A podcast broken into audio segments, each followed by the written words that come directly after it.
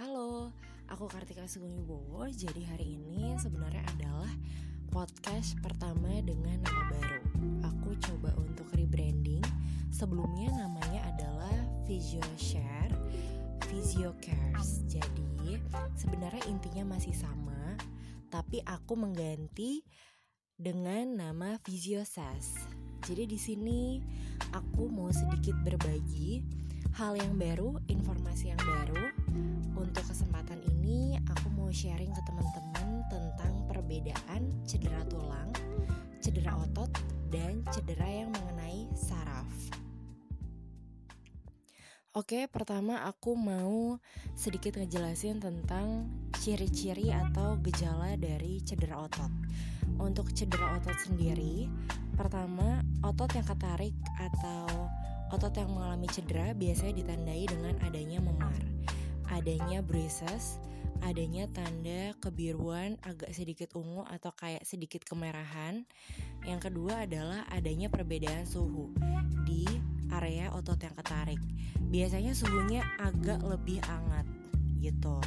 Kemudian uh, terjadi pembengkakan di sekitar itu, adanya nyeri tekan di area otot yang cedera dan biasanya orang yang mengalami cedera otot dia masih bisa beraktivitas seperti biasa, tapi disertai dengan adanya nyeri saat bergerak, nyeri pada saat beraktivitas atau pada saat posisi tertentu. Itu nyeri atau cedera otot. Kemudian untuk cedera otot sendiri sebenarnya yang perlu dilakukan adalah mengistirahatkan. Jadi kalau kalian hobi banget berolahraga, untuk sementara kalau kalian terkena muscle strain atau cedera otot, sebaiknya diistirahatkan dan harus melakukan kompres es atau kompres dingin di area otot yang ketarik atau yang cedera. Teman-teman perlu diketahui kalau cedera otot itu tidak disertai dengan gejala kesemutan. Memang ada rasa nyeri seperti nyeri menjalar, tapi beda dengan rasa kesemutan. Nah, biasanya kalau kalian mengalami cedera otot di salah satu bagian, misalnya di calf atau di betis itu, ada kompensasi atau area otot yang mengalami efek rasa tidak nyaman. Bisa di atasnya atau mungkin ke bawah. Kalau ke bawah, bisa jadi yang kena adalah otot soleus. Kalau dia yang cedera adalah calf.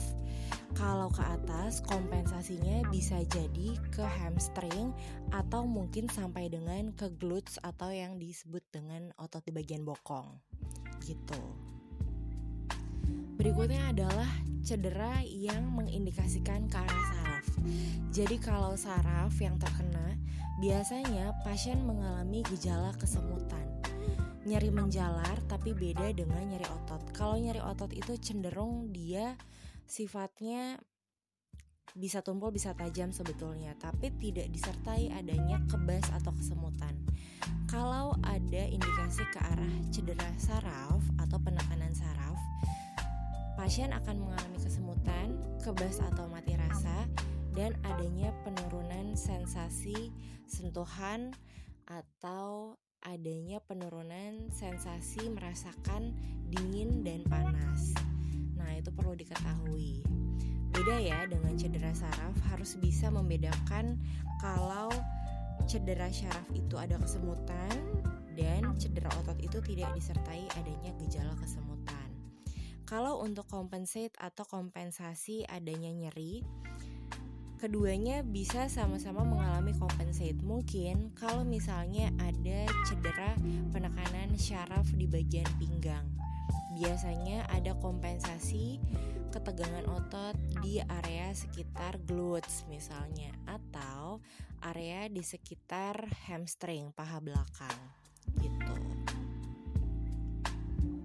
Untuk cedera yang mengindikasikan ke arah saraf sendiri, rasa kesemutan bisa timbul pada saat melakukan gerakan atau pada beberapa posisi tertentu atau bisa jadi kesemutan itu muncul secara terus-menerus dan tidak bisa hilang.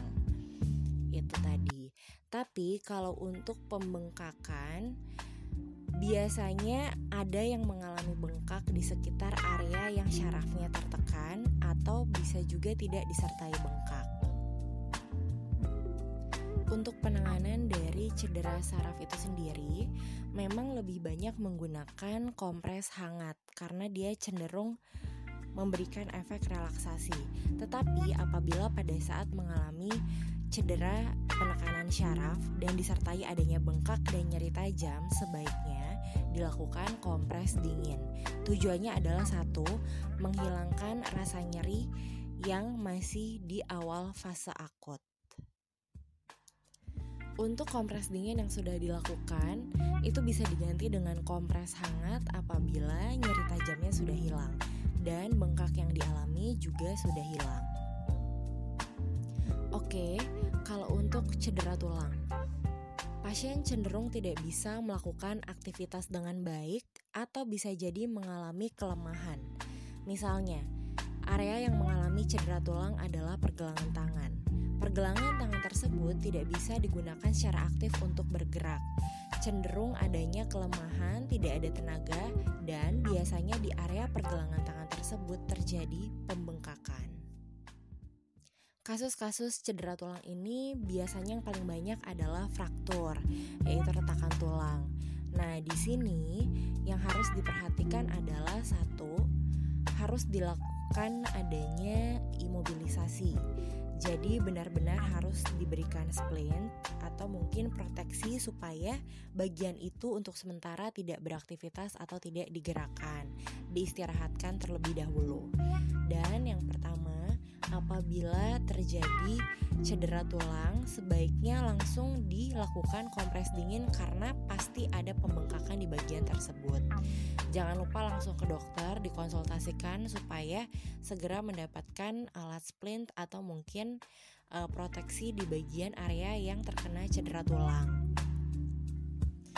Perlu diketahui untuk nyeri otot atau cedera otot, Nyeri itu bisa timbul pada saat melakukan aktivitas ataupun pada saat setelah melakukan aktivitas fisik. Jadi bisa saat beraktivitas, bisa jadi pada saat tidak melakukan aktivitas nyerinya timbul. Nah, untuk cedera saraf, kesemutan bisa timbul terus-menerus atau mungkin pada saat melakukan beberapa posisi atau gerakan tertentu. Untuk cedera tulang yang perlu diketahui adalah tidak ada gejala kesemutan, tetapi yang pasti ada rasa nyeri pada saat ditekan, kemudian ada bengkak dan area yang mengalami cedera tulang cenderung tidak bisa dilakukan gerakan. Atau maksudnya adalah tidak bisa menggerakkan uh, secara normal dan aktif. Jadi pasti ada nyerinya, pasti ada kelemahan, pasti ada kaku dan yang pasti ada bengkak juga. Di sini aku ingatkan lagi kalau teman-teman mengalami cedera yang ada gejala bengkaknya, ada gejala nyeri tajamnya, sebaiknya dilakukan kompres dingin terlebih dahulu. Dan hati-hati jangan langsung dipijit juga karena ketika ada tekanan pada saat dilakukan pemijatan dikhawatirkan akan semakin bengkak karena pembuluh darah mengalami dilatasi atau pelebaran. Hati-hati jangan semakin membuat radang, tetapi kita harus menangani peradangan itu dengan suhu dingin, yaitu kompres es. Oke, itu dari aku. Aku cukup menyampaikan secara sederhana dan simpel mengenai cedera otot, cedera tulang, dan cedera saraf. Semoga bisa memberikan informasi yang baru untuk teman-teman yang ngedengerin podcast aku. So, see you di podcast berikutnya. Bye bye.